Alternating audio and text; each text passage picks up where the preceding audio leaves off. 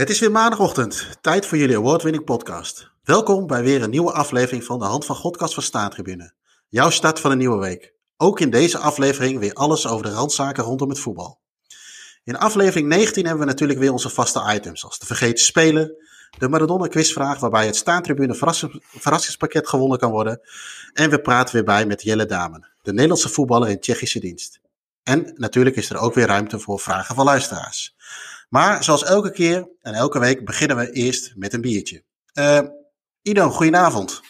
Goedenavond, Jeroen. Het biertje, wat heb jij voor je? Een biertje, ik heb een uh, verdet vanavond. Geen uh, IPA, dus ik moet de hipster pruik even afzetten.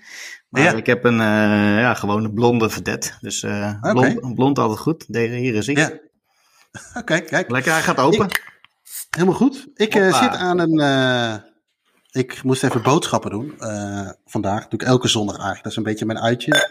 Wat ik meestal zonder de kinderen doe.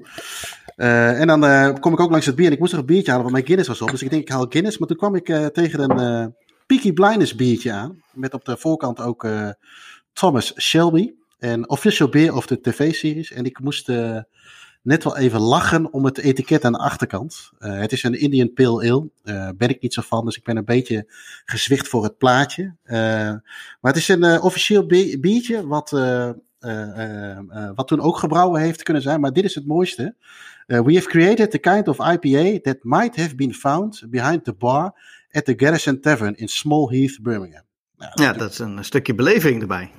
Ja, nou, een grote lulkoek natuurlijk. Maar, uh, experience. Ik ben, ik ben voor 2,60 euro uh, ben ik gezwicht. We gaan hem ook openen en we gaan hem uh, benutten. En laten we aan het einde maar weer eens even kijken hoe die smaakte. Proost op ehm, deze maandagochtend. Ja, cheers. het nieuws van afgelopen week. Ehm, allereerst bestond gisteren, zondag, staantribune, zeven jaar. waarvan gefeliciteerd voor de founders, als in Jim en, en Joris uiteraard. Uh, zeven jaar lang alle magazines, uh, boeken, uh, sinds kort ook quizzen, podcasten. ik vroeg al aan Jim, is de seven year itch aangebroken? Dat je misschien moet breken met Joris of iets dergelijks. Maar er was nog geen sprake van. En volgens mij willen ze tot hun dood dit, dit blijven gaan doen. ik heb ze gevolgd vanaf het begin eigenlijk wel een beetje. het is ook wel mooi hoe dat een beetje ontstaan is. Maar er is, er is al een keer een podcast over gemaakt. Dus ga die zeker een keer terugluisteren als jullie willen weten hoe Staantribune begonnen is. Ben jij ook vanaf uh, nummer 0 uh, eh, vaste lezer, uh, Ino? Ja, zeker. Was dat niet cover met Bergensport? Ja, ja. Ja, hè? ja. Ehm, dus nou ja, hopelijk kunnen we dat nog lang doorzetten. Ehm, we hebben ook afgelopen donderdag een, de tweede staantribune digitale voetbalquiz gehad. Uh, waar we de vorige keer nog, uh, ja, ook met uh, bijna 200 man aan het quizzen waren via Teams. toen nog zonder, zonder prijs en zonder winnaar. gingen we het nu een stapje hoger doen. Samen met Yannick, Jim, Joris in wat mindere mate. En in ikzelf waren we de, de host. Maar houden zo mindere mate? volgens mij had de kat aan de internetkabel van Joris geknabbeld. En hij moet dat ding ook gewoon eten geven of in de pan mieteren. Het is een van de twee. en, uh, maar hij, had, uh, hij kwam niet in Teams of zo. En hij liet het screenshotje zien. En dat, daar heeft hij hem drie dagen op laten staan volgens mij. Maar hij is nog steeds niet ingelogd. Dus, dus okay. nee, dat was hem niet gelukt. Dus hij was eigenlijk een beetje de sidekick die de mooie verhalen moet vertellen. Maar dat is volgens mij, dat kan ik beter aan, aan jou vragen. Volgens mij door Jim prima opge, overgenomen. Hoe, ja, hoe heb jij het als... Hij, heeft hij zeker goed gedaan. Ja, hoe heb jij het als deelnemer ervaren? Ja, dat was een hele verbetering wel. Kijk, een quiz, uh, daar hoort natuurlijk wel een soort van wedstrijdelement in te zitten. Nou had dat voor mij afgelopen donderdag niet gehoeven, want ik had niet een hele goede avond. Uh, de vragen waren best wel moeilijk, maar wel weer typisch staantribune met mijn leuke feitjes en wat uh, afwijkende vragen. Die wat buiten de normale voetbalkennis misschien omgaan. Dus dat is wel, dat is wel leuk.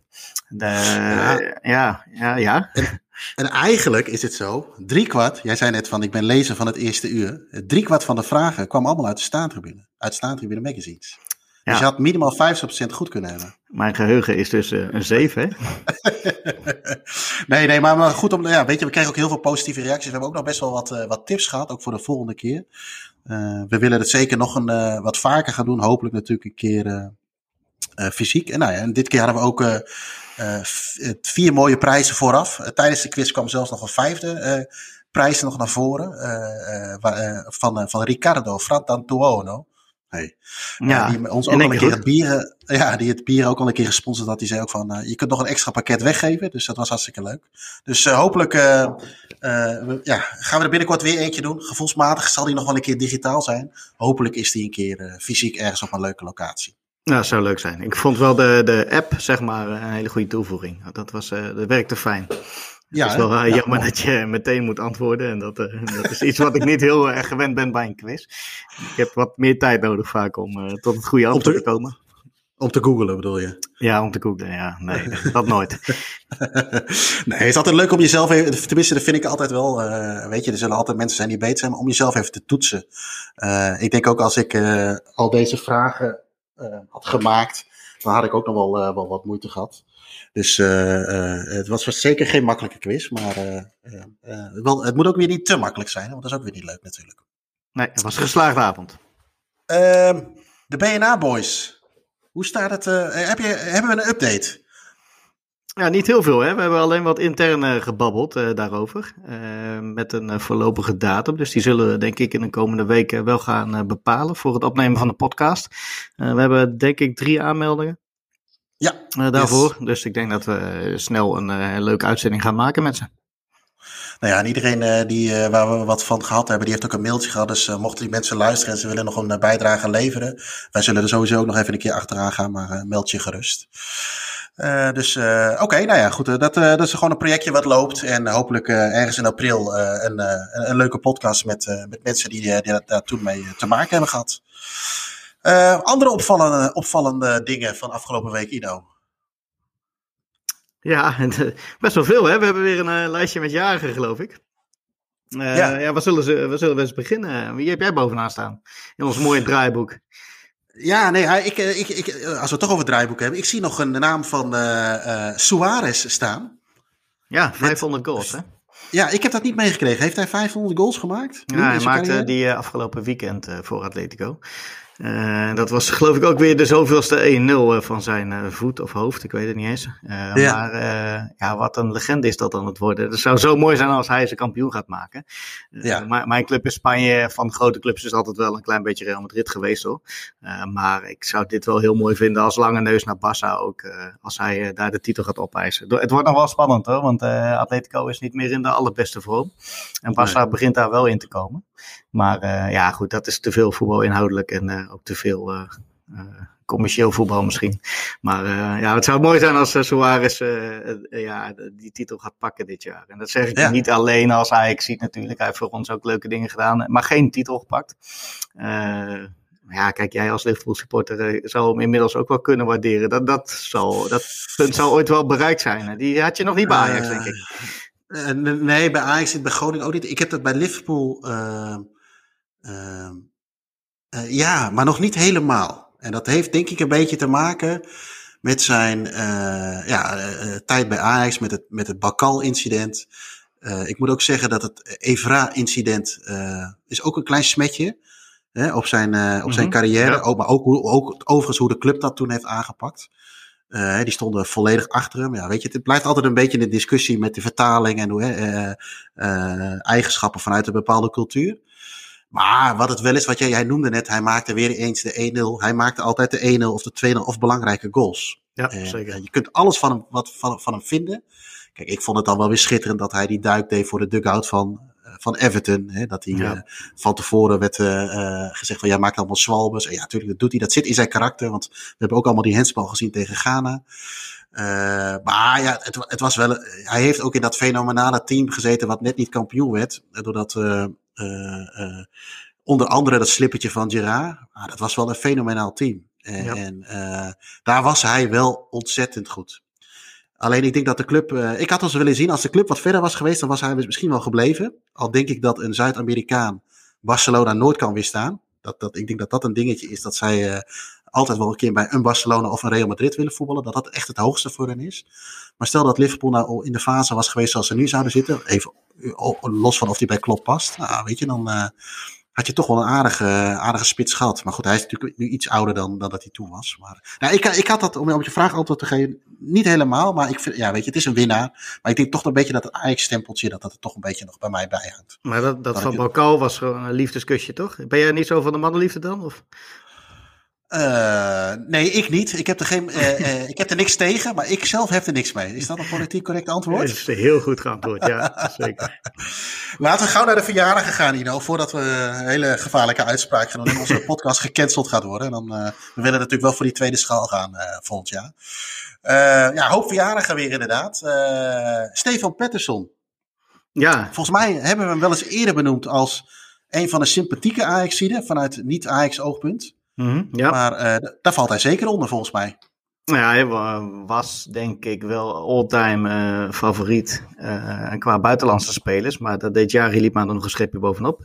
Nou, dat is ja. ook al wel eens besproken hè, door Roy uh, een aantal weken geleden. hij werd zelfs bij zijn afscheid ook door Michael van Praag Mr. Ajax genoemd. Als, als eerste na Jacques Zwart. Hij heeft 100 goals gescoord nog voor Ajax. Dat is nog best wel veel natuurlijk. Hij liep ongeveer 1 op 2 ook. ja, kijk, hij, hij, kwam natuurlijk in de tijd bij Ajax dat, dat je in het Nederlands voetbal maar drie buitenlanders mocht opstellen. En ja, kijk, ze hebben het altijd zo van over snel aanpassen en zo. Voor mij hoeft dat allemaal niet, tenminste niet in het huidige voetbal. Maar toen was dat natuurlijk wel nodig, hè, want je speelde met sowieso acht Nederlandse spelers uh, minimaal om je heen. Uh, dus ja, vandaar, er werden altijd Scandinaviërs gehaald en die pasten zich altijd snel aan. Pettersson was daar één van. Uh, ja, buiten het feit dat hij goed was en zich snel aanpaste, was hij uit de sympathiek. En uh, ja, het, het, is gewoon een uh, echte legende. Ik ben altijd wel fan van hem geweest. En, ja. ja nogmaals, Jari deed daar nog wel een, een schepje bij bovenop. Maar Pettersson is wel een, een held, ja. Hoe oud is hij eigenlijk? hoe oud zou hij nu zijn? Ja, stel je me een goede vraag. ik denk dat hij ergens, ja, 64? Uit 1964 bedoel ik? Ja, uh, hoe snel rekenen? Zoiets, of, of iets. 36, uh, ja, een beetje... Nou, uh, eind, eind 60 misschien. Ik weet het niet. Oké, okay. oké, okay, nou, maar maakt niet, niet uit. Of is deze, deze... Nee, maakt niet uit. Maar oké, okay, nee, ik, ja, ah, ja, zoals ik... Nee, ik herken dat wel wat jij zegt. Patterson, ik moet ook meteen aan die andere zweet denken. Lasson was dat toen? Ja, die, kwam, uh, die speelde ook rond die tijd. Die kwamen beide ja. van uh, Göteborg, Göteborg uh, vandaan. Ja. Hè? Daar hadden ze de UEFA Cup gewonnen. Ook een mooi team was dat, van Dundee United. Dat kun je niet meer voorstellen dat die twee nee. clubs in een Europa League finale staan nu. Ja. Maar zij wonnen daar dus de UEFA Cup. En later deed Pettersson dat dus nog eens over bij Ajax. en ja, hij was ook wel belangrijk in dat jaar, want hij, pak, hij pakte de 1-0 uit bij Genoa. Hè? Dus in dat mooie stadion van Samp, hè, ja. ook. Uh, op de cover natuurlijk ook al een paar keer benoemd de afgelopen weken. Hij scoorde ook nog in de finale tegen Torino in een van die twee wedstrijden penalty. Ja. Dus hij heeft wel een goede bijdrage gehad. In de, in de finale trouwens werd hij door een Italiaan tegen de cornervlag aangebeukt. Waardoor hij zijn arm uit de kom had en de, de festiviteiten niet mee kon maken. Maar goed, dat, die pech dat hing ook wel een klein beetje om hem heen. Dus dat ja. moet hem net weer gebeuren. Ja. Een sympathieke jongen mag natuurlijk geen tijd trekken bij de, bij de cornervlag. Dat wordt meteen afgestraft. Nee, nee, eens, eens. Pettersson kwam uit een tijd dat hij elke penalty raak schoot. Of uh, laat ik het zo zeggen, uit een tijd dat uh, penalty schieten nog geen uh, psychologie was. Met, met de keeper samen, met inclusief rare aanloopjes en, en eende waggeltjes en weet ik veel wat voor gekke dingen. Maar in die tijd, Pettersson schoot altijd de penalty keurig in het zijnetje. Een andere uh, man deed dat ook altijd. Hè, bij Feyenoord, Kieprich, Kieprich uh, de tovenaar van Tatabanya. Ja. Altijd in het zijnetje. Volgens mij schoot Kieprich hem altijd uh, voor zijn hoek rechts, links van de keeper. Pettersson deed het meestal in de andere hoek. Maar toen was penalty schieten nog gewoon normaal je kunt erop oefenen. Het is gewoon simpel. Je gaat het honderd keer doen en je schiet hem honderd keer dezelfde kant op. En dan gaat er dan ook honderd keer in. Er zijn bijna geen voetballers meer die dat op die manier doen. Ik, kan, ik kan eigenlijk alleen Harry Kane uh, bedenken, maar die mist hem ook nog wel eens. Maar die schiet hem ook gewoon vaak wel strak de hoek in. wisselt ja, die, heel soms wel eens af, maar...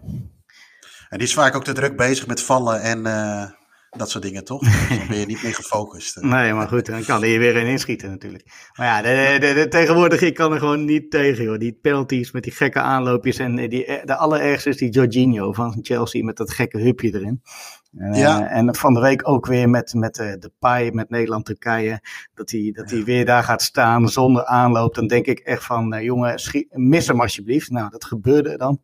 Dan word ik toch weer een heel klein beetje blij. Dat mag ik misschien niet zeggen, maar ja, rot op met die gekke dingen. Gewoon stoppen ermee. Maar goed, Nederlands ja, elftal je... is niet helemaal aan mij besteed. Over het uh, Nederlands elftal gesproken. En je gaat weer een mooi bruggetje maken. ja, okay, nou, van de bruggetjes. Komt ja. Uh, Nederland-Letland mochten supporters bij met een Field Lab uh, experiment. Uh, laat nou net een van de drie hosts van de Hand van Godcast daar zijn geweest. Roy, goedenavond. Hey mannen. Ja. het is net alsof jij nu inbelt of zo, maar je zit al de hele tijd te wachten. Dus we kunnen er heel spannend over doen. Maar dat is het eigenlijk. Ik zit al heel lang naar jullie gehul te luisteren, ja. Uh, ja, hoe. hoe is was 58 trouwens. Uh, okay, voor de, ja. ja. als we het toch over quizvraagjes en freaks hebben, uh, 58. Ik had even de tijd op de Google ook, dus dat, even checken of het klopt. Hè, nou dus ja, dus, die 1964 was niet heel gek dus. nee, Bijna. dat zou wel eens kunnen kloppen, ja. ja. Nederland-Letland. Ja. Field Lab experiment. Uh, hoe, uh, we hoeven het niet over die wedstrijd te hebben. Het was in de arena. Uh, 5000 man volgens mij. Uh, Magrate was er. Derks vlag hing er. alle standaard vlaggen hingen er. Dus die, die jongens die waren er allemaal. Hoe was het, hoe was het experiment? Hoe, hoe, hoe, werkt dat? Hoe werkte dat? Nou, het was best wel een gedoe. Ik zal hem even chronologisch doorlopen. Nadat je nou ja, je aangemeld hebt om, een, om een kaartje te krijgen of te kopen. Er komt natuurlijk allereerst de toewijzing of je inderdaad een kaartje hebt. Nou, dat is leuk. Ik uh, vorige keer in de podcast al over gehad. Ik ben ook niet, ik loop ook niet heel erg warm voor uh, wedstrijden van het Nederlands elftal. Anders dan bij een EK of WK. Bij een eindtoernooi is mm. dat weer even anders. Maar zo'n zo'n kwalificatiewedstrijd tegen Letland. Normaal gesproken, laat ik het zo zeggen, zou ik er niet heel snel om staan te springen. Um, maar ja, ik ben ook wel zo iemand, uh, net als denk ik uh, de meeste luisteraars wel, die heel erg hunkert om weer eens naar voetbal te gaan. En als je ja, al, al maandenlang roept, joh, het maakt me niet uit op welk niveau, in welk stadion, in welke stad het is. Als ik een keer naar voetbal kan gaan, dan, dan ben ik er meteen weer bij. Dus ja, dit was voor mij een uitgelezen kans. De arena is bij mij om de hoek, dus dat was ook nog eens letterlijk een figuurlijke thuiswedstrijd. Dus toen die toewijzing kwam, dacht ik, ja, tof, ik, ik ga weer naar voetbal. Met twee gasten afgesproken die, die ook kaarten hadden. En uiteindelijk bleken we ook nog eens allemaal in dezelfde bubbel te zitten. Nou, ik denk dat ja. Daar genoeg uitleg over is geweest. Hè? Dat mensen in de verschillende bubbels zaten met in elke bubbel weer andere spelregels. Ehm, toen kwam mijn tweede mazzeltje, want ik zat in bubbel 2. op een of andere manier bestond bubbel 1 niet, maar goed, dat terzijde. Bubbel 2 uh, ging naar binnen bij ingang B, hoefde geen mondkapje op. Kon uh, onbeperkt van catering gebruik maken, oftewel bierzuipen. En uh, kreeg een plekje toegewezen. Ja, je, had een kaartje zonder vakrijstoel erop. Dus bij binnenkomst was het een beetje van, nou oké, waar, waar, gaan we heen en waar kunnen we gaan zitten? Dus we kozen al snel drie plekken uit bij het gangpad. om zo snel mogelijk naar, naar bier en catering, of toilet ook te kunnen. Ja, en daar zaten we met z'n drieën naast elkaar. En vervolgens nog honderden mensen om ons heen. En in het begin is dat wel even gek. Want ehm, ja, dat is lang geleden dat je zo kort op andere mensen en naast andere mensen hebt gezeten. Zeker zonder mondkapje op. Maar ik moet zeggen dat het ook niet meer dan een paar seconden duurde, bij wijze van spreken. En, en, en het voelde alweer normaal, weet je. We gaan natuurlijk vaak naar voetbalwedstrijden toe. Dus ja, het is ook niet heel vreemd om aan te voelen hoe dat, hoe dat is. En dat je dat weer snel oppakt. Dus ja, um, en, en, nou ja, om nog even terug te gaan op die volgorde van wat er dan, welke procedures er allemaal gelden. Je krijgt een uitnodiging dat je de, de zogenaamde Close app moet downloaden. Een app waar eigenlijk alle informatie van die wedstrijd in, uh, in staat. Ja. Best handig. Ik kan me best voorstellen dat dat een blijvertje gaat zijn. Dus uh, dat, ja, het programma komt daar ook in. Maar ook interviews met spelers. En nog een oproep van de boeren om uh, succes wensen. Het moet je ding zijn hoor. Maar het ging meer om dat je ook parkeerkaarten daar kon bestellen. En uh, nou, eigenlijk allerlei wedstrijdinformatie. Nou, deels ook corona gerelateerd. Dat is natuurlijk iets waar je even je, je aandacht bij moet hebben. Omdat uh, dingen nou eenmaal anders zijn dan in het verleden. Um, dus je moest onder andere sneltesten inplannen. Nou, ehm, bij de arena om de hoek zit een golfbaan met een grote parkeerplaats ernaast. Daar kon je je laten sneltesten. Dus dat was ideaal. Ik heb uh, een kwartier voordat we naar binnen moesten een sneltest gedaan.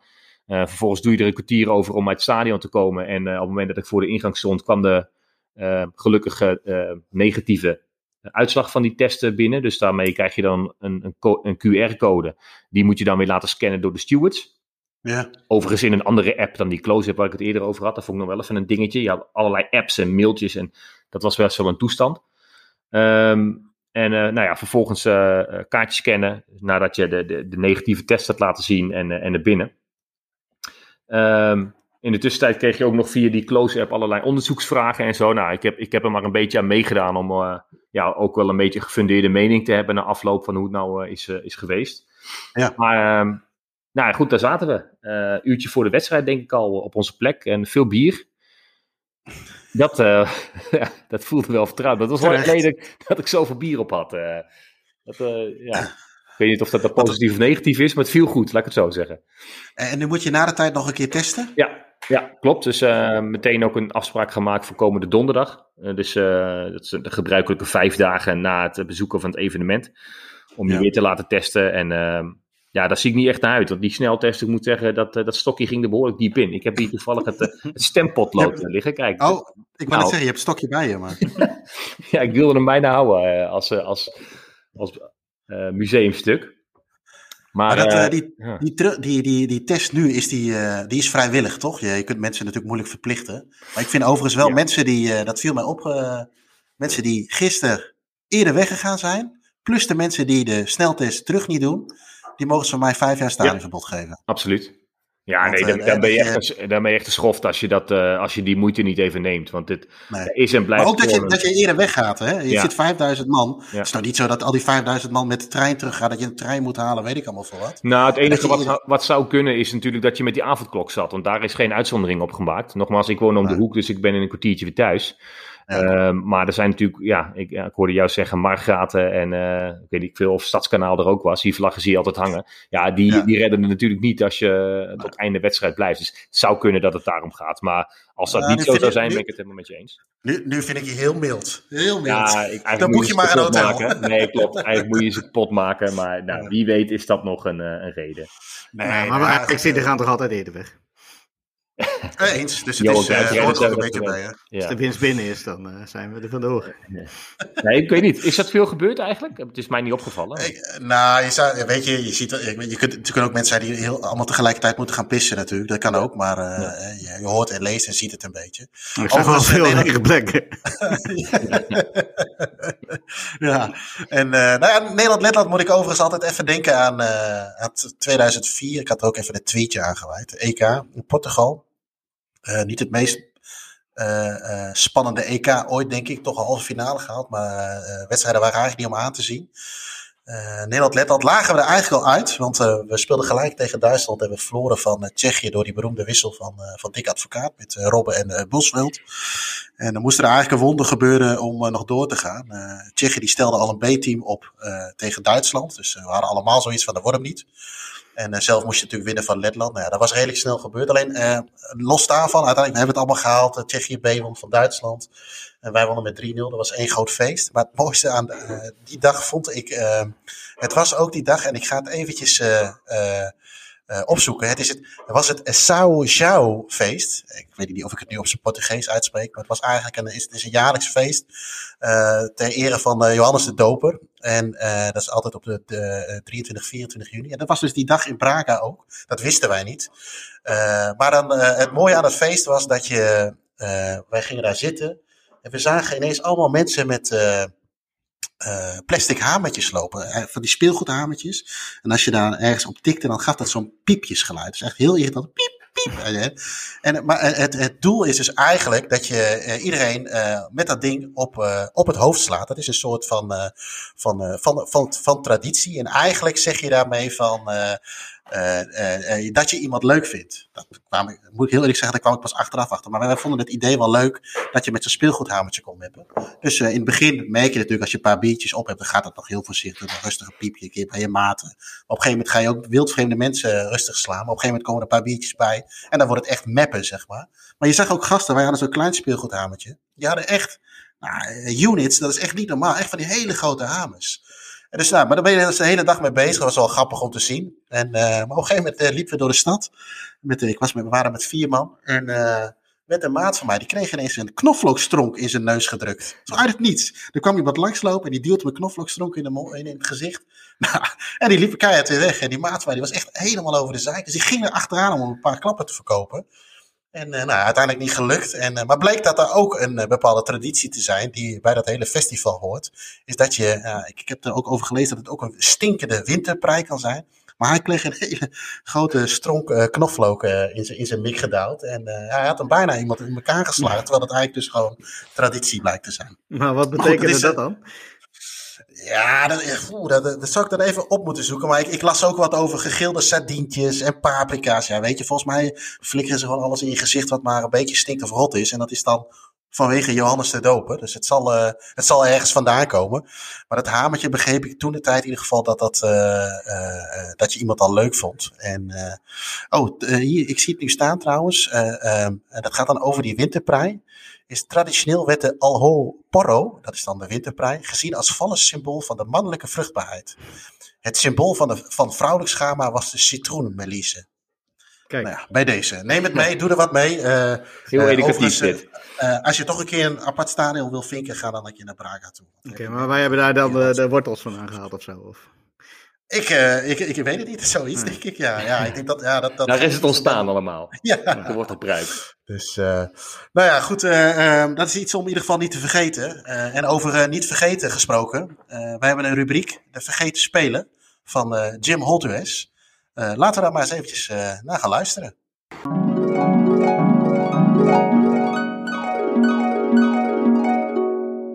Zoals ik vorige week al vertelde, vind ik het uh, heerlijk om research te plegen voor deze rubriek. Uh, daarom kies ik ook het liefst spelers over wie zo min mogelijk bekend is. Ik had eigenlijk Kerry Broek van FC Groningen dit keer op het oog.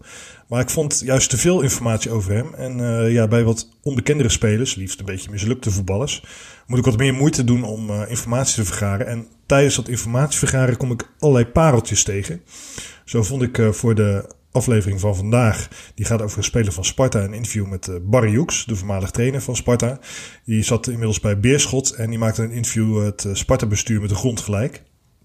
Ik vond ook een mooie samenvatting van een wedstrijd tussen Sparta en FC Barcelona. Uh, ter gelegenheid van het 100-jarig bestaan van Sparta. Op een niet uitverkocht kasteel. 10.000 toeschouwers. Nou, dat kun je ook niet meer voorstellen als Barcelona nu op bezoek zou komen. En die, ja, die wedstrijd liep in de tweede helft uit de klauwen.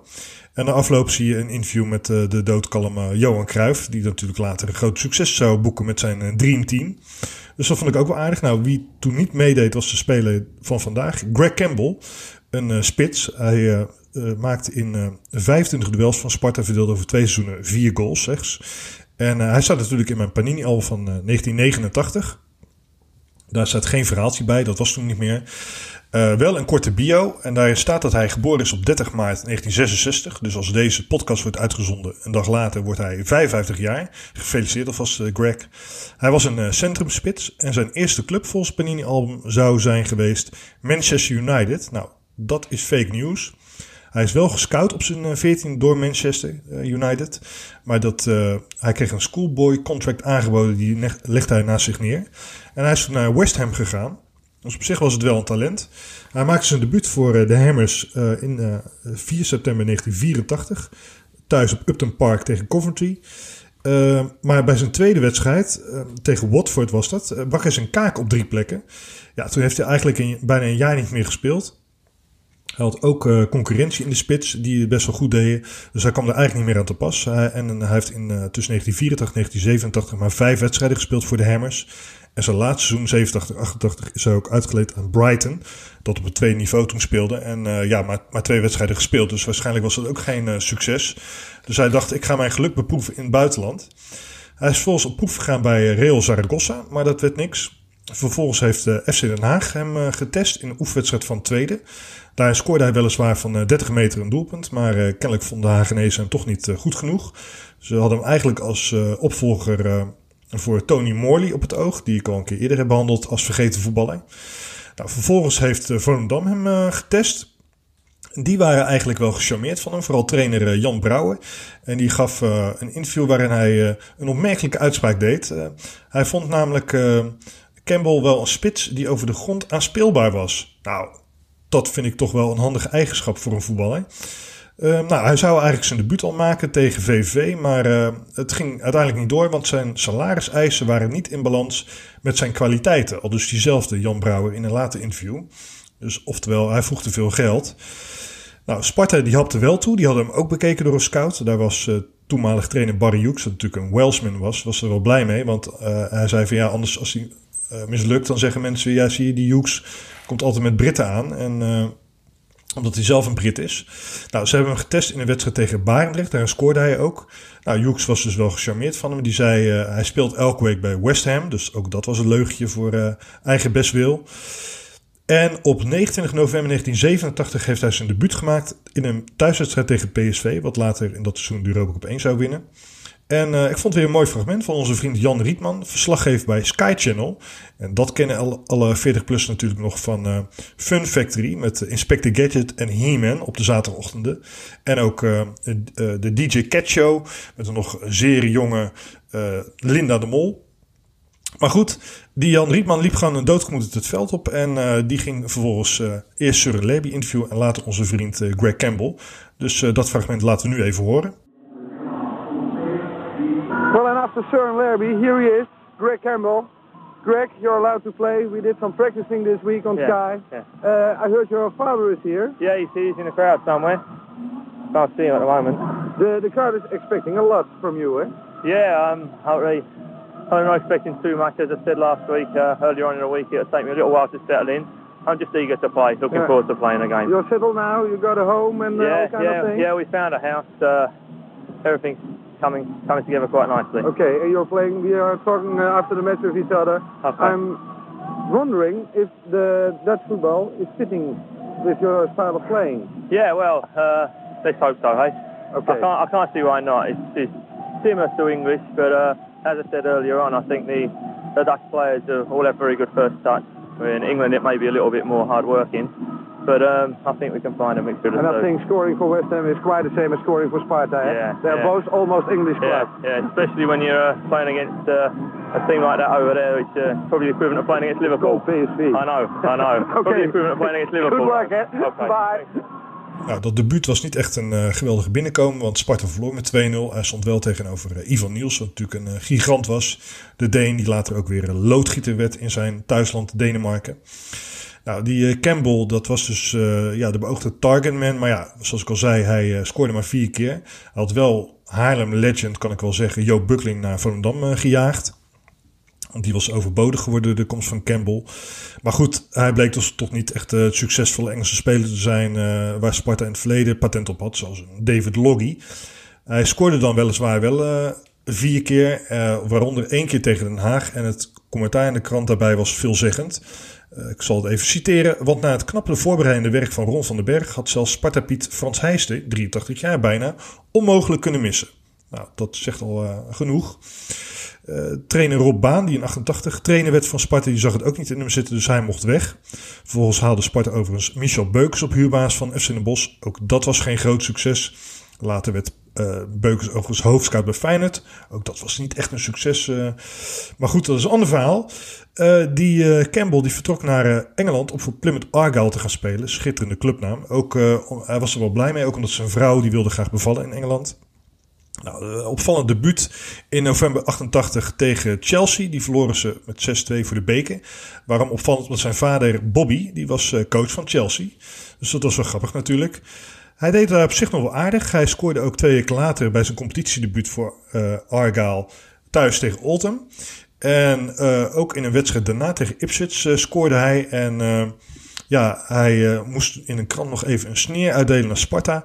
Hij zei, als je de verhalen in de kranten leest, denk je dat mijn moeder ze heeft geschreven. Zo geweldig, ik zal er een paar opsturen. Kunnen ze die in het clubblad van Sparta afdrukken? Nou, wat een beetje overmoedig, want ook bij Plymouth was het niet echt een succes.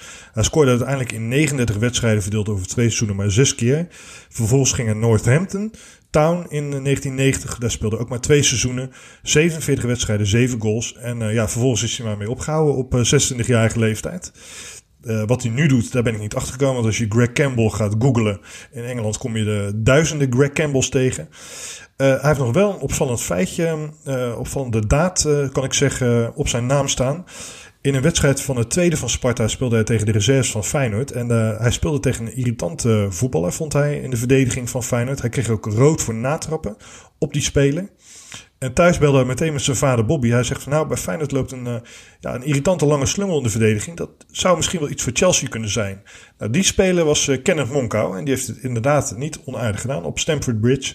Later ook bij Southampton terechtgekomen. Toch een soort... eh, Volgens mij is het een soort club-icoon bij Southampton. Dus dat was toch wel eh, een goede daad van Greg eh, Campbell. Volgende week ga ik weer op zoek naar een andere onbekende, liefst een beetje mislukte voetballer.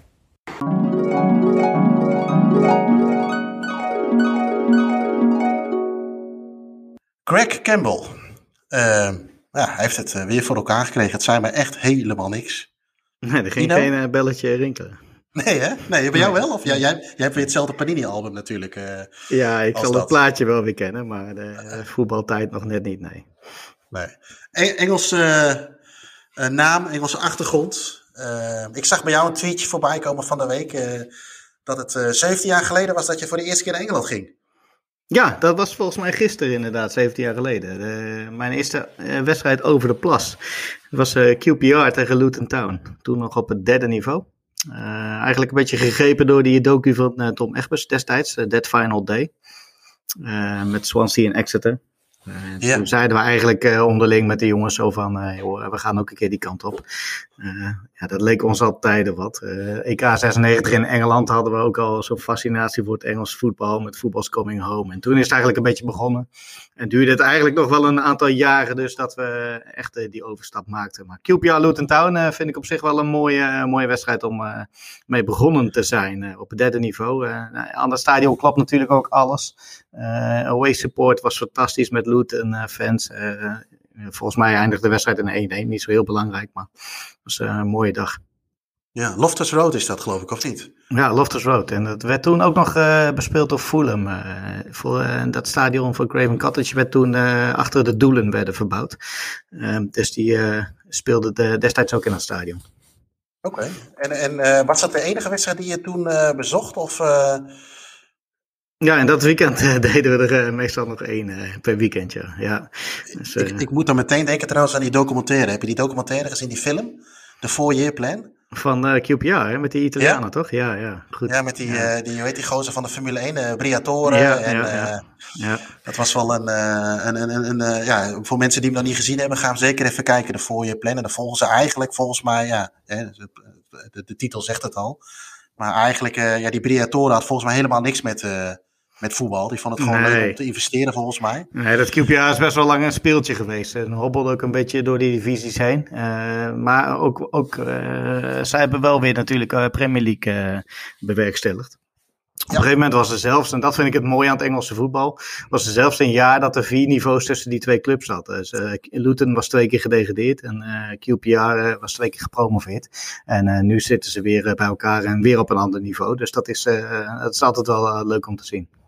Ja, en daarna was het alle, nog steeds allemaal Engeland, Engeland, Engeland. Om, uh, om het ja. vervolg te geven. Ja, dat is wel een jaar of tien zo gebleven met, uh, met in ieder geval dat gezelschap. Uh, dat is onze vriendengroep met de zaalvoetbal eigenlijk. Ja. En ja, toen werden we wat ouder en gingen we ook het eten en zo wat meer waarderen en, en het goede weer.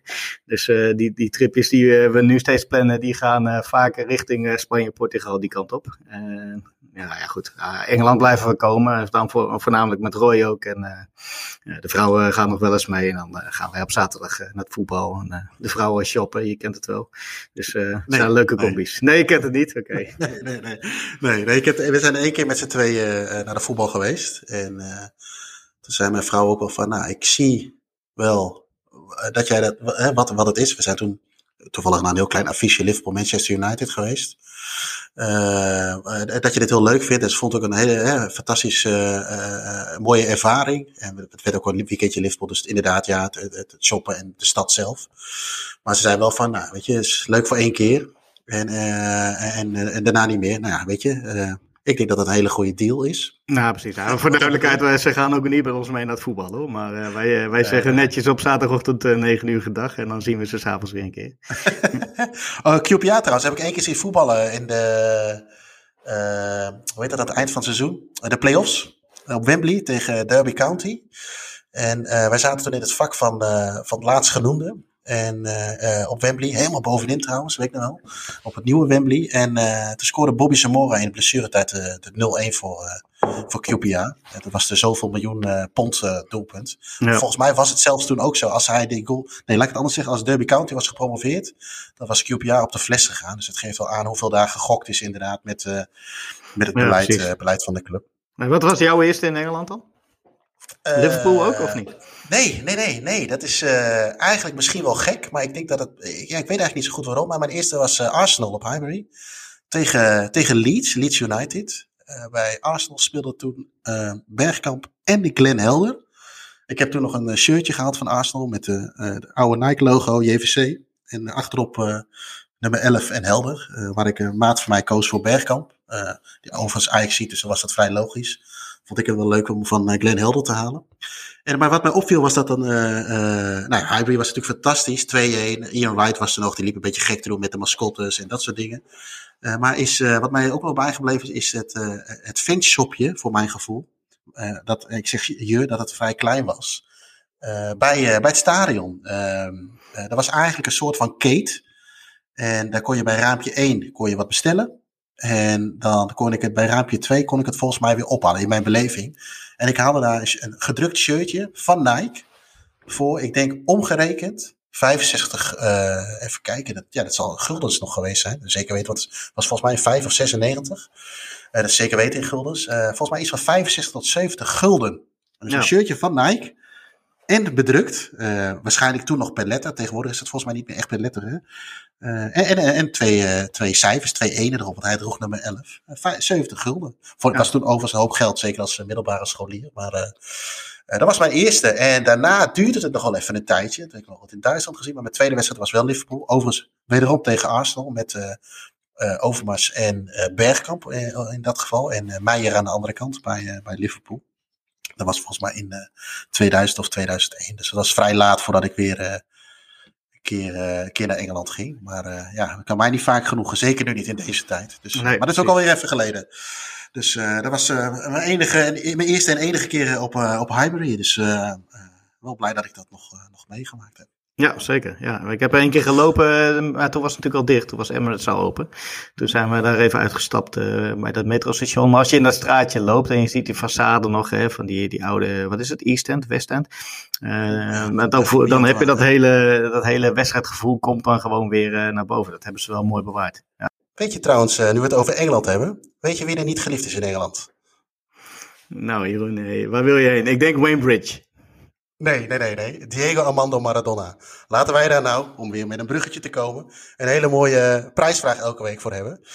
Eh, de, de vraag van vorige week eh, was, eh, vroegen wij naar een quote van Bobby Robson, bondscoach in, of, van Engeland op het WK in 86 in Mexico. En na die uitschakeling tegen Engeland had hij een mooie quote voor hem over Maradona. En eh, we hebben veel, eh, veel, veel antwoorden gehad. Eh, ook niet allemaal goede antwoorden, maar dat kwam misschien ook een beetje door de dubieuze vraagstelling van ons. Er waren wat meer antwoorden mogelijk. Maar wij waren eigenlijk op, op zoek naar de volgende quote. Een quote is toch vaak even iets korts. Hè? With Maradona, even Arsenal would have won the World Cup. Dat was hem die we zochten. We hebben een aantal mensen die, die dat goed hadden. Waaronder Peter Zwemer uit Sirooskerke, als ik het goed uitspreek. Eh, Peter, van harte gefeliciteerd. Eh, wij sturen eh, naar jou het Staantribune eh, verrassingspakket toe.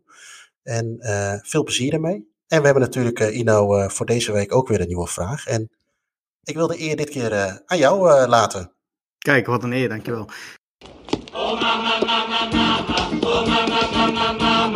Sai perché mi batte il corazon. Ho Maradona, ho Maradona. Oh, mamma, innamorato son.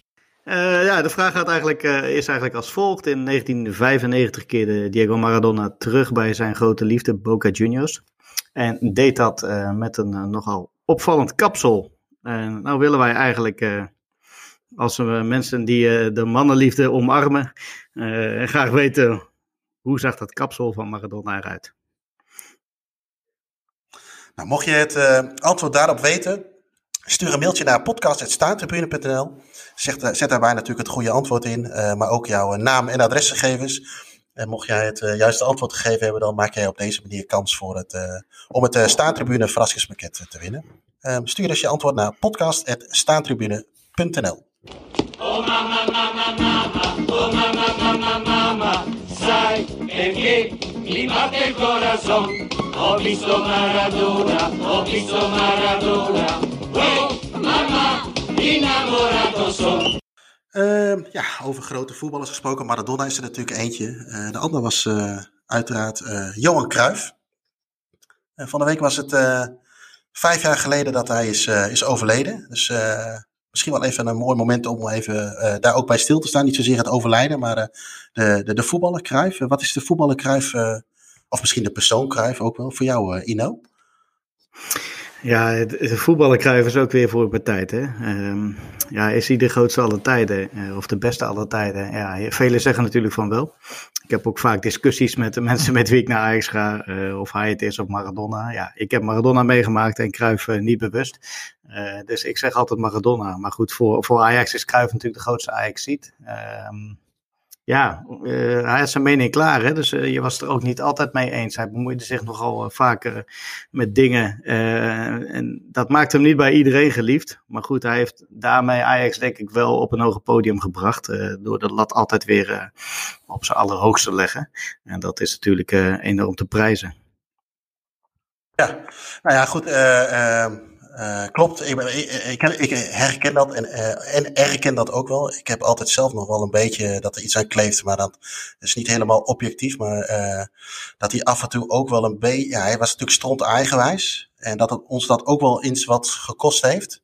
Bijvoorbeeld door niet een, fatsoenlijke keeper mee te nemen, waar hij natuurlijk veel invloed op, had in de midden jaren zeventig. Ik denk dat je met Van Beveren bijvoorbeeld toch minimaal één titel had gewonnen, misschien wel het EK.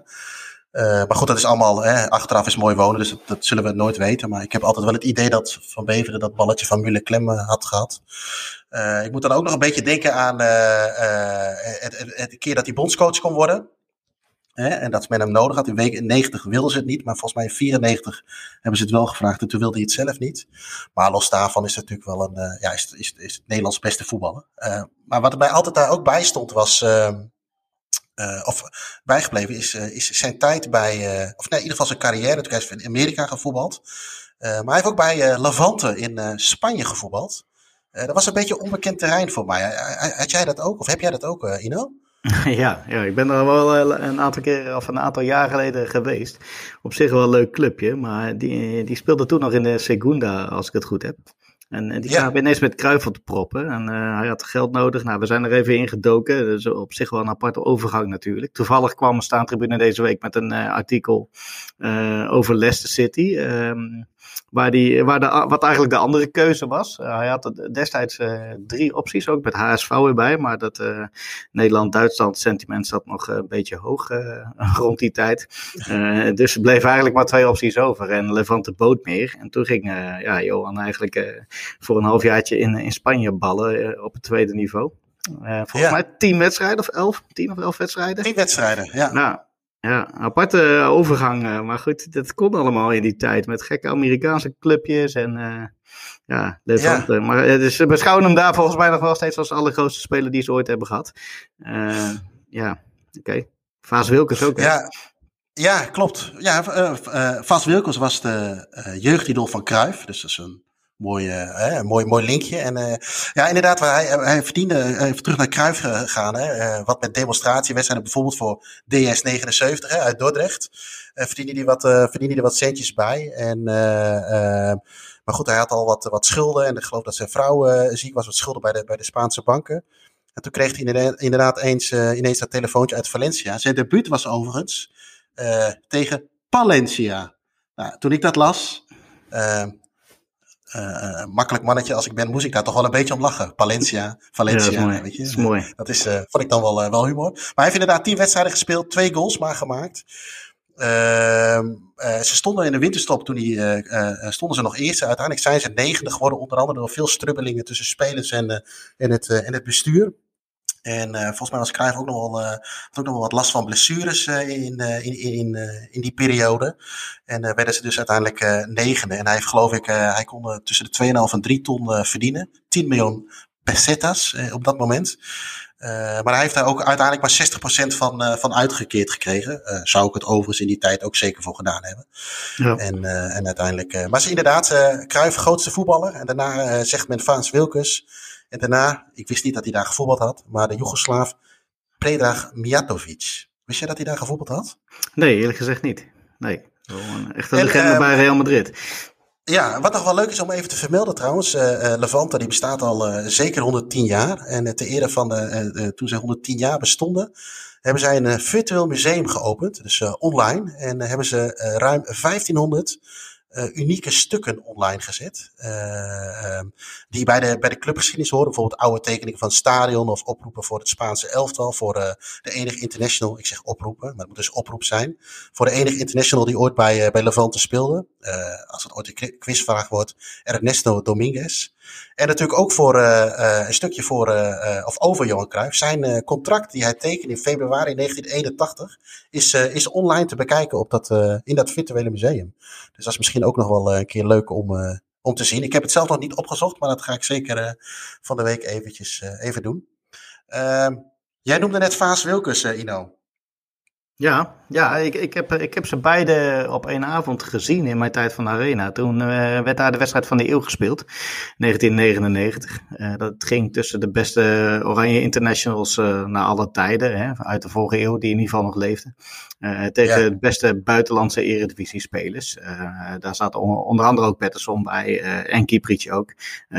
Ivan Nielsen volgens mij. Nou goed, in ieder geval eh leuk team. Eh, maar dat Nederlands elftal-team was natuurlijk helemaal mooi. En alles draaide die avond om uh, Cruijff en Van Basten op zich. Eh, Daar ging wel de meeste aandacht naar uit. Uh, en, maar ik had de mooie taak als student zijnde, samen met een vriend van mij, om, om de ereronde op te duwen. Dus eigenlijk een beetje oh. de gang erin te houden. Dus wij liepen tussen, uh, ja, en wij al die oudjes, maar wij liepen dus tussen al die grote mannen op het veld. En ik voelde me best wel uh, een mannetje op dat moment, maar je hoorde daar niet echt tussen natuurlijk. Uh, daar, daar liepen gewoon nee. een paar duizend interlands en, wij, en wij twee dan. Um, ja. Maar mijn taak bestond er vooral uit om Vaas Wilkes, die toen ergens in de tachtig al was, nou ja, een, een, klein beetje aan te laten sluiten. Want die man die kon natuurlijk niet meer zo snel. Maar het was fantastisch om bij een van de grootste spelers aller tijden. Ook weer vanuit de, de overlevering. Uh, om daarbij in de buurt te lopen. En uh, die man natuurlijk nog even kort gesproken. En hij vond het allemaal fantastisch en prachtig. En, uh, ja, en, en, een paar meter voor ons ging alle aandacht eigenlijk uit naar Cruijff en Van Basten. en, ik, en ik had eigenlijk mijn, mijn achterhoede duelletje met Vaas Wilkes. Was, was wel echt mooi. Ja. Leuke, leuke herinnering.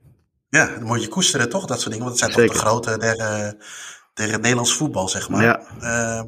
Over Cruijff gesproken. Uh, Cruijff, uh, wist je dat Cruijff ooit uh, een halve finale verloren heeft van Tsjechoslowakije? Sorry, ik, ik, je viel heel even weg bij mij. Over, over Cruijff gesproken. Wist je dat Johan ooit een halve finale verloren heeft van Tsjechoslowakije? Is dat in 19... Zes, nee, 76 toch? Ja. Juist, ja, juist. Ja, ja. EK, uh, over Met vier teams. Ja, over Tsjechoslowakije gesproken. Uh, wij hebben een vast item, bellen met Jelle. Onze Nederlandse voetballer in uh, Tsjechische dienst. ik heb hem van de week weer even gesproken, dus laten we er even naar gaan luisteren.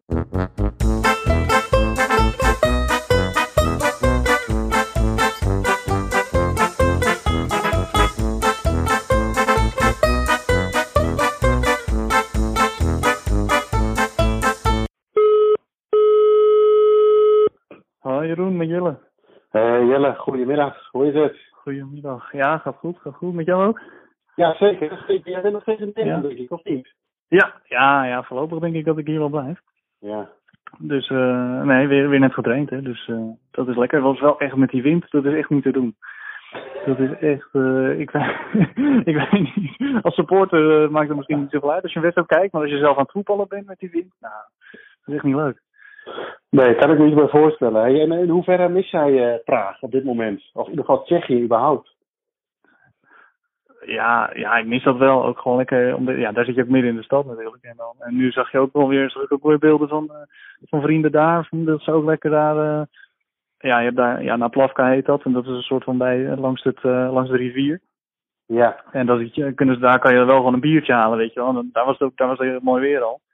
En uh, dan zitten ze daar lekker met een biertje aan de rivier te chillen met z'n allen. Ja, dat is wel lekker. Maar ja, weet je, dat is ook wel het enige wat kan, denk ik dan maar. Dus ja. echt voetbal en zo, ja, dat mis ik sowieso. Maar ja, dat, uh, dat weten we. Ja, en, en, uh, ja. Wat ik me af zat te vragen. Wij zijn natuurlijk ook een keer met, samen met Joris naar, naar Praag geweest. een beetje de wedstrijdjes uitgepikt. Maar hoe zit het daar Mhm. eigenlijk een beetje met, de met de derbies? Weet je dat? Eh, We hebben natuurlijk veel, veel ploegen in, in Praag zitten. Leeft dat een beetje? Ja. Ja, ja, zeker. Ja. Vooral Slavia en Sparta, als die tegen elkaar spelen, dat, is, dat zijn de twee, van oudsher echt de twee grootmachten daar. Ja. Dus dat zijn, eh, dat zijn natuurlijk echt de groot. Maar dan heb je ook nog Bohemians Praag en die spelen ook op het hoogste niveau. Ja, Ja. als die tegen Sparta of Slavia spelen, dan is het ook wel, eh, wel echt, dan wordt het echt wel als een derby gezien. Volgens mij Sparta iets meer dan Slavia. ja. Ehm, maar, maar ik ben toen ook bij, bij Bohemians tegen Slavia geweest. En ja, dan merk je wel dat het daar eh, echt leeft. En wat, wat is daar, zit daar een bepaalde achtergrond achter of zo? Eh, club van, van het leger of club van, van de arbeiders, hè? wat je wel vaak hoort bij, eh, bij dit soort wedstrijden. Is dat daar ook van toepassing? Mm, nou, dat, dat zou ik niet, eh, niet zo uit de drie, weten. Maar ja je, je, ja, je merkt wel gewoon dat daar echt eh, de, spanning op staat. En dat ze wel echt die andere gasten eh, ja, niet, niet echt mogen, zeg maar. Om het Nee. zo zachtjes uit te drukken. maar, eh, maar of daar echt zoiets achter zit, dat, dat weet ik niet. Maar ja, toen ik daar was, dat was ook vlak voor de pandemie, zeg maar, uitbrak. En toen waren er nog gewoon volle stadions. En ja, toen moest ik een beetje op straat, eh, moest ik een beetje een kaartje regelen bij de, bij de wedstrijd. Stond op zo'n plein en ja, er stonden wel mensen. En dan hoor je sommige van die, van die vage gasten, hoor je dan eh, ticket, ticket. Dan hoor je dan, eh, hoor je dan zo roepen. Ik zeg, ja, is goed. En eh, nou ja, was omgerekend is dat, eh, was dat 20 euro. Ik Ja. denk, nou, dat valt wel mee. Dus Ja. ik kreeg zo'n kaartje. Ik denk, nou, ik probeer het gewoon. En als het niet werkt, ja, dan is het jammer. Maar ja, zo'n kaartje kost normaal 6 euro. Dus, dus nou ja, dat was voor 20. Heeft hij altijd alsnog een goede, goede deal. En, en voor mij valt het ook nog wel mee hoe duur het is. Dus toen stond ik zo eh, achter het doel bij de, bij de harde kern van, eh van Bohemians. Eh, maar daarvoor ook, er kwamen ook al die Slavia supporters, die kwamen, die kwamen zo ja, richting het stadion lopen en zingen en zo, allemaal in zwart gekleed. En echt een beetje uitdagen, soort van. Maar ja, dat, dat, allemaal dat soort dingen, dan merk je wel echt dat het een, een derby is. En ook bij Bohemians hadden ze van die ja, echt spandoeken en groene rook. En ja, dat, eh, ja, dat was wel mooi. En toen uiteindelijk won Bohemian ook nog. Bohemian, uh, Bohemian Praag. Dus ja. Ja. dat was helemaal met 1-0 tegen Slavia. Dat is natuurlijk de grote kampioen. hè. En nu doen ze natuurlijk helemaal goed in de, in de Europa League. Ja. Dus ja, en toen wonnen ze daar ook nog van. Ja, dat was echt, echt wel mooi. En ik stond daar ook en eh, allemaal gasten helemaal dronken. En ja, dat, dat is helemaal heel veel wielen er. En, ja, het was, het was één chaos daar. Maar, maar ik sprak daar ook zo'n man en die, die stond er ook tussen. En eh, nou, dat was gewoon gelukkig een normale gast. Maar ja, daar, daar kon ik een beetje mee praten. En eh, ja, die, die legt me een beetje uit. Dat natuurlijk over Bohemians met die, eh, met die kangoeroe eh, op het logo. Dat is natuurlijk wel een mooi verhaal. Dat ze toen, Ja. eh, ik weet niet, in eh, begin 20e eeuw volgens mij, of zeg dat goed, 21? Ja, 20e eeuw. ja. Ja, dat we toen naar eh, Australië zijn gegaan om eh, eh, ja, een beetje demonstratiewedstrijden daar te spelen. Eh, en daar zijn ze echt een paar maanden geweest. En toen als dank hebben ze toen eh, voor, voor, voor de Praag Zoo hebben ze, hebben ze twee kangoeroes meegekregen. Eh, dus voor de dierentuin in Praag. En daar Ja. hebben ze nu zo, nog steeds zo'n kangoeroe eh, op het logo. Goed, Dus ja, dat, mooi eh, is dat. Ja, dat zie je ja, ook wel ja. overal terug, hè? Bij die, eh, alle uitingen die ze hebben, zie je dat, eh, zie je dat ook wel terug. Ja, wat ik ook wel mooi vond aan, eh, aan, aan het stadion daar, is het ligt natuurlijk, eh, het heeft natuurlijk ook- het heeft een mooie ligging in die zin dat het gewoon eh, de fletjes eromheen zitten. Dus die mensen die, eh, ja, eh, voor, de, voor, voor, de, voor het idee, je hebt volgens mij één grote hoofdtribune, hè? Ja. Je hebt dan inderdaad waar jij stond een eh, ja, vrij ja, een aardige tribune achter de goal, achter één kant. Ach- Aan de achterkant heb je een beetje het SV Eindhoven effect. Hè, dat er Ja. geen tribune staat. En, Ja. maar ik vond ze ook inderdaad wel super fanatiek. Want wij zijn volgens mij naar Bohemians tegen Benisov of iets dergelijks geweest. Dus helemaal niet een, Ja, een, een, een, groot affiche. Maar toen waren ze ook al best wel fanatiek. Ook rookpotten en een Ja. paar van die... eh, wat me toen opviel... eh, eh, vrouwen achter de trommels. Waar ik overigens niet mee wil zeggen dat vrouwen niet achter trommels mogen staan. Maar je Nee, ziet het niet hè. zoveel. ja, Ja. je ziet het niet zoveel. En, en ik vond het uitvak ook wel mooi. Ik weet niet of was het bij jullie, bij jou toen ook zo dat het uitvak zeg maar aan de tegenover de hoofdtribune zat aan, aan, op de lange zijde? ja. En dat is eigenlijk met drie rijen achter zijn dat Ja. eigenlijk maar. Ja. ja. Ja. Dus dat is wel, eh, het is wel, het is, wel, het is wel een, een, fantastisch stadion wat dat betreft. Met drie verschillende tribunes. En ook dat wijtje er inderdaad omheen. Dat maakt het wel, eh, wel helemaal af. Hey, en en, Ja. en, en Slavia Sparta of Sparta Slavia, ben je daar wel eens geweest? Nee, nee niet, niet eh, naar die derby zelf. Dat is ook wel iets lastiger, denk ik, om daar een kaart voor te krijgen misschien. Maar ja, dat heeft ook een beetje met die, met die pandemie te maken. Want ik was er net een maand. Eh, en in die maand heb ik eigenlijk Slavia, Sparta en Bohemians alle drie wel bezocht. Ja. Ehm, en dan ook nog wat kleinere clubjes. Maar ja, dus daar- ja, daarna heb ik geen, eh, ja, geen tijd meer gehad. Of geen, ja, was, was er geen ruimte meer om ook nog eh, naar een, een derby te gaan, helaas. Maar ik zou zeker wel een keer naar, naar Sparta Slavia willen. Of naar Slavia Sparta, dat maakt ook niet zoveel uit. Maar volgens mij is het Sparta Stadion is iets ouder. Dus dat is wel, Ja. dat is wel mooi. Want toen ik daar ook was, zat ik ook vlakbij de harde kern.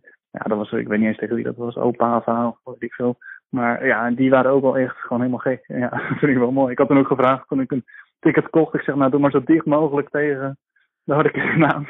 Ja, dat was niet helemaal zonder gevaar, maar er werden ook wel wat mensen boos op elkaar. Dus dat, dat, kwam nog bijna kletterij uit. Maar, en, eerst zat ik nog met die gasten praten rustig, maar goed.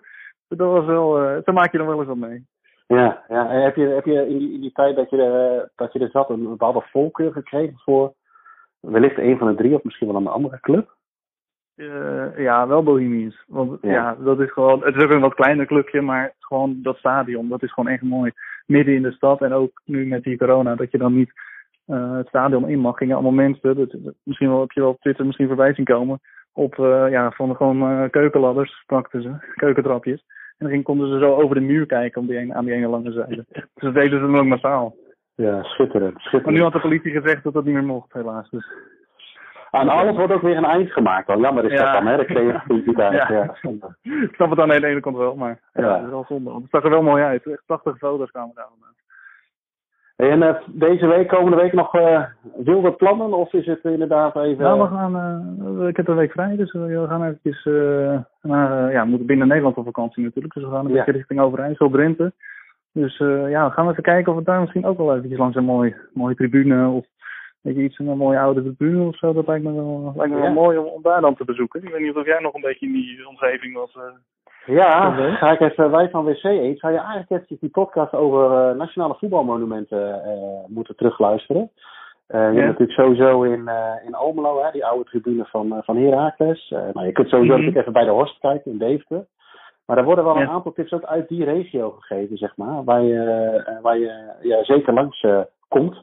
Eh, waar, je- Ja. waar, jij of jullie vandaan moeten komen. Dus als je, ik denk als je die even terugluistert. En volgens mij heeft, hebben we ook op de website van Staantribune een, een top 10 staan van ja, tips, zeg maar. En misschien dat Ja, er daar ja. ook nog wel een paar tussen staan. Dus er, is zeker wel wat Ja. te doen. Ja. Ja, nee, ja, dan gaan we even op onderzoek uit en dan ga ik even, pak gewoon even de auto en dan daar gaan we even alles langs. Ja, dat lijkt me wel mooi. Nou, lijkt me een uitstekend onderwerp voor volgende week. Ja, ja, zeker weten. Dat denk ik ook wel. Hey, ik, eh, ik spreek je een goede week en eh, tot volgende Ja. week. Hè? Super, hey, tot volgende week. Oké, verder. yo, Yo, hoi hoi, doei.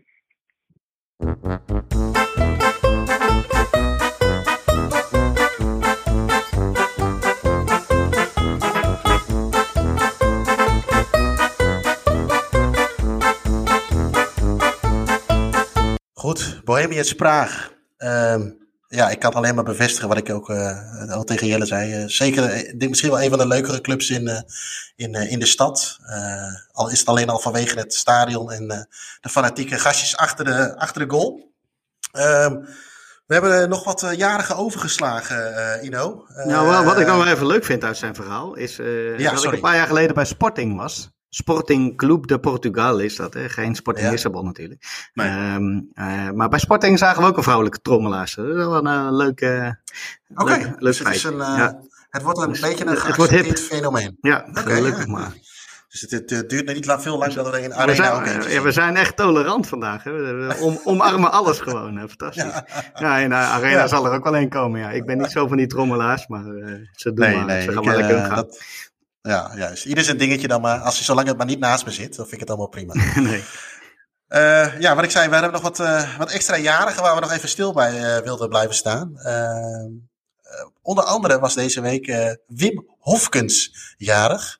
En wat mij een beetje fascineert van Wim Hofkens is dat ik, ja, toen ik voetbal echt een beetje leuk begon te vinden, met het Nederlands zelf al toch 88, 90, eh, is dat hij voor mijn gevoel er ineens zo bij zat. Volgens mij eh, rondom een. eh, eh, hij heeft één Interland gespeeld overigens, maar volgens mij heeft in mijn gevoel een beetje bij dat, dat de KNVB 100 jaar bestond. Dat weet ik niet zeker, dat zouden we even op moeten zoeken.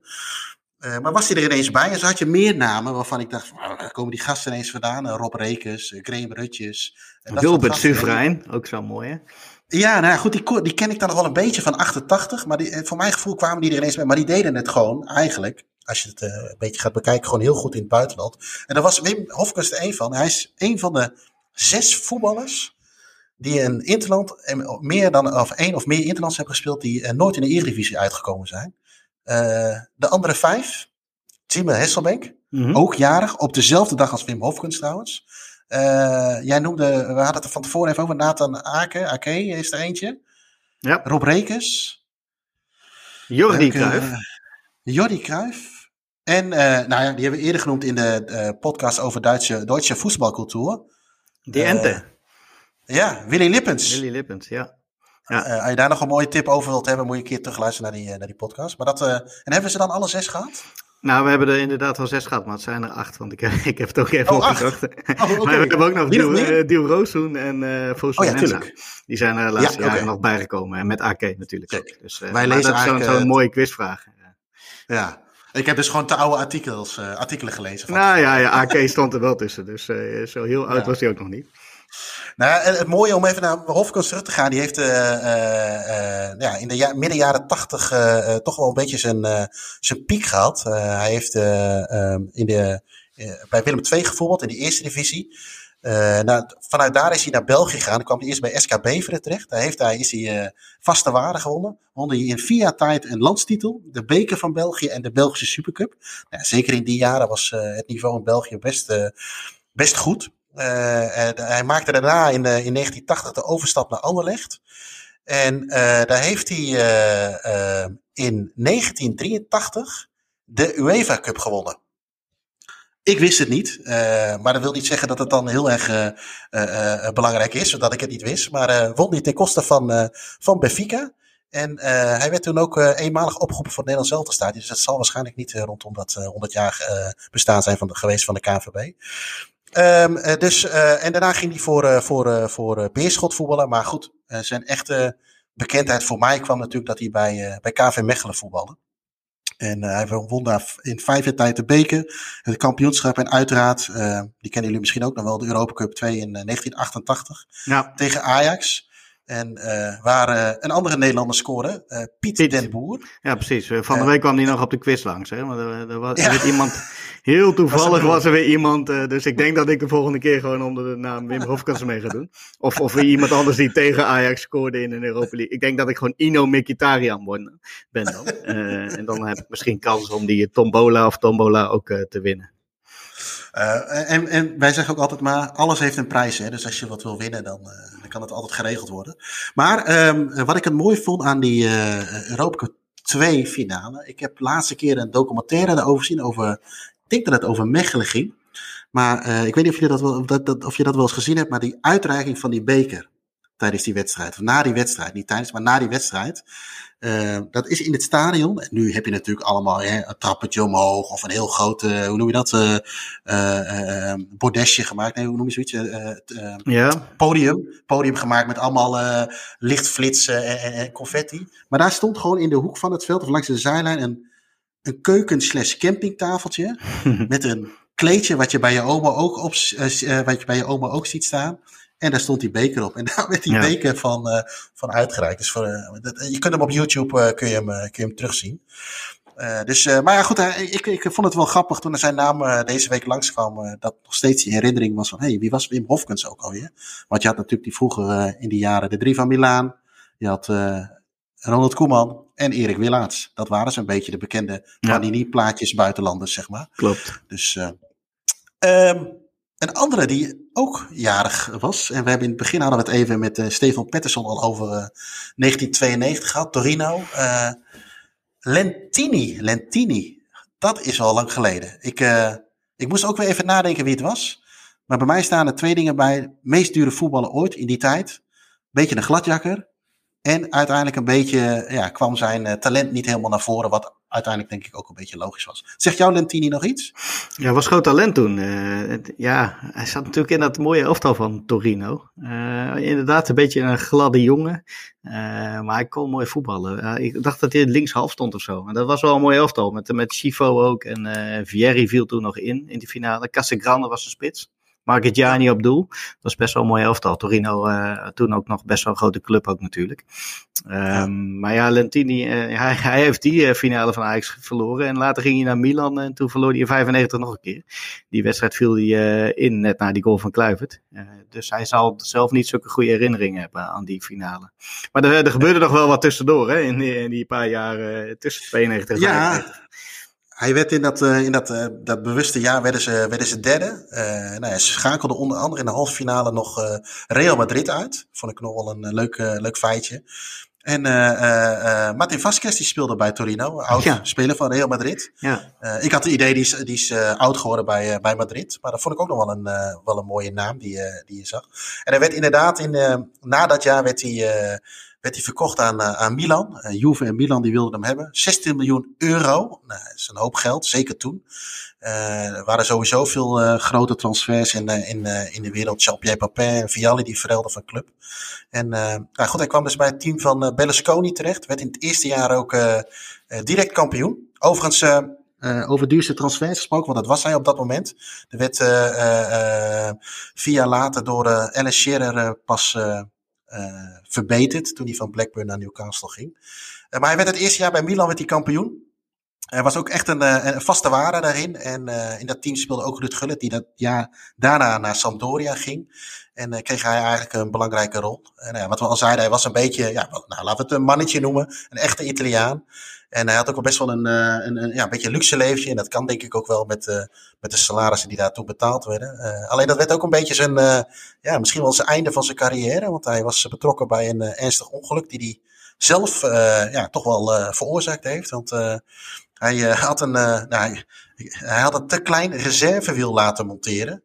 En dacht ook nog even onderweg te kunnen bellen naar, naar zijn vriendin. En ja, vloog hij uit de bocht. Geen goede combi. Nee, en hij werd, hij werd ook nog uit zijn wagen geslingerd, die, uh, die overigens ook nog in brand vloog. En hij liep een uh, schedelbasisfractuur op. En uh, lag een paar dagen in coma. En dan met wat kneuzingen en gebroken vingers erbij, dan heb je het wel even zwaar, denk ik. En alleen zijn revalidatie die ging vrij snel. En na vier maanden stond hij eigenlijk weer op het veld. Alleen hij heeft nooit echt meer dat, dat niveau kunnen halen. En dat is ook wel een beetje wat bij mij, bij mij is bijgebleven. Um,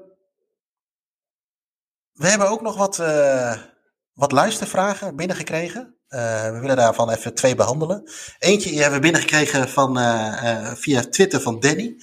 Die had een vraagje over ja, wat zijn binnen Nederland de mooiste lost crowds en welke zou je ja, welke van hiervan zou je het liefst weer bespeeld willen hebben? Nou, ja, we hebben een keer een, een special gemaakt hierover met, met Jim Joris en, en Marco, Marco Michielsen, de fotograaf. En een aparte podcast over Nederlandse voetbalmonumenten. Dus ik denk dat het goed is als we daar even naar verwijzen. Uh, omdat daar de tips wel in staan. En we behandelen eigenlijk deze twee vragen, vragen ook. En een andere vraag die we hebben is uh, van Marco Scheuring. wat vinden wij van de Oranje fans? Nou ja, ik denk dat we dat ook al wel eens een keer besproken hebben. Wij, wij, voetballiefhebbers, uh, club, clubsupporters vooral, uh, ja, hebben wat, denk ik, een beetje moeite met het feestpubliek die bij het Nederlands elftal aanwezig is. Uh, en ook de, dan heb ik het nog niet eens over de, de manier waarop ze zich kleden. Of vind je het heel leuk als men twee wortels in de oren stopt of twee ballonnen onder het shirt doen, dat ze hele grote nepborsten hebben, Ino? ja, ja, dat is altijd lachen, heren, brullen natuurlijk. Uh, ja. Nee, nou, ik heb daar dezelfde mening over. ja. Want we zagen nog, Roy, die, uh, Roy die was uh, toen straks erbij en die, had, die zei ook van, hey, die stuurde nog een foto door. Dan had iemand een heel oranje leeuwenpak aan. Maar die had zo'n klipperijhoedje op van Boca Juniors. ja. Dat was, was een beetje een, uh, een, hele... Ik denk dat je als je dat uh, toont in uh, rondom La Bombonera, dan word je denk ik of keihard uitgelachen of ze strippen je helemaal... helemaal naakt, denk ik. Ja, op dat, oranje, op dat oranje hè, kleding na, dan zeg maar. Ja. Maar, maar waar ik wel eens benieuwd naar ben, is zeg maar van, uh, want het is een beetje voor mijn tijd. Ik heb altijd de, de verhalen uit de overlevering, is dat het, WK 9, of het EK 88, dat het echt nog een clubsupporter dingetje was, het Nederlands elftal. Hè. Er waren uh, veel supporters van Den Haag waren bekend, uh, vanuit Rotterdam. Dus heel veel clubsupporters, dus, waardoor je ook een bepaald sfeertje krijgt.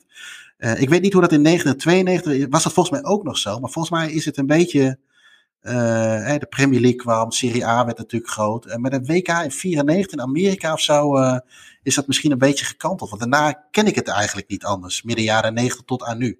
Heb jij daar een beeld bij? Of, Ja, nou ja, sowieso in 88 inderdaad, rond die tijd. Ja, er zat alles door elkaar. En ook echt supporters die, die naar een club in een stadion gingen.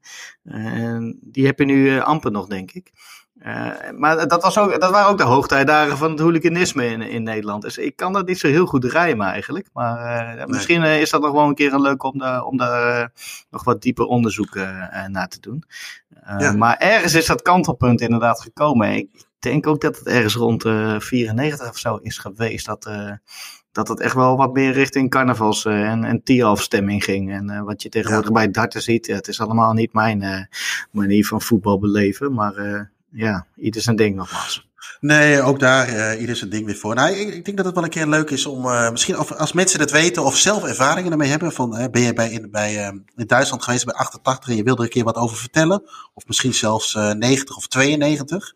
Eh, ik heb over 92 ook nog wel mooie verhalen gehoord. Eh, in Italië leek me sowieso in 90 wel een fantastische ervaring. Eh, laat het ons eens weten, want het is misschien wel een keer leuk om daar eens een, eh, een stukje aan, eh, aan te wijden. Ehm, ja, dan zijn we er eigenlijk een beetje doorheen, eh, Ino, volgens mij, of niet? Ja, het, ik, eh, het draaiboekje is, eh, is af, hè? Ja, Het is ja dan voltooid. rest mij. Ja, nou, heel goed. Nou, dan rest mij niks anders dan iedereen te bedanken voor het luisteren naar deze aflevering van de Hand van Godcast. Eh, Ino bedankt. Nou, uiteraard eh, Roy natuurlijk ook eh, voor zijn inbreng voor, over het Nederlands elftal en de Field Club experiment. Eh, nou, mochten jullie tips, ideeën, opmerkingen of vragen hebben, dan horen we dat uiteraard graag. En al deze zaken kun je, kun je mailen naar, naar ons e-mailadres podcast.staantribune.nl. Ehm, Mocht je dit nou een hele toffe podcast vinden, dan zouden we het heel leuk vinden als je op iTunes een, een, een positieve recensie uiteraard achterlaat bij de podcast van Staantribune. Ehm, ja, en dan voor nu. Dat was hem weer, snuiters. Tot volgende week. Fantastic.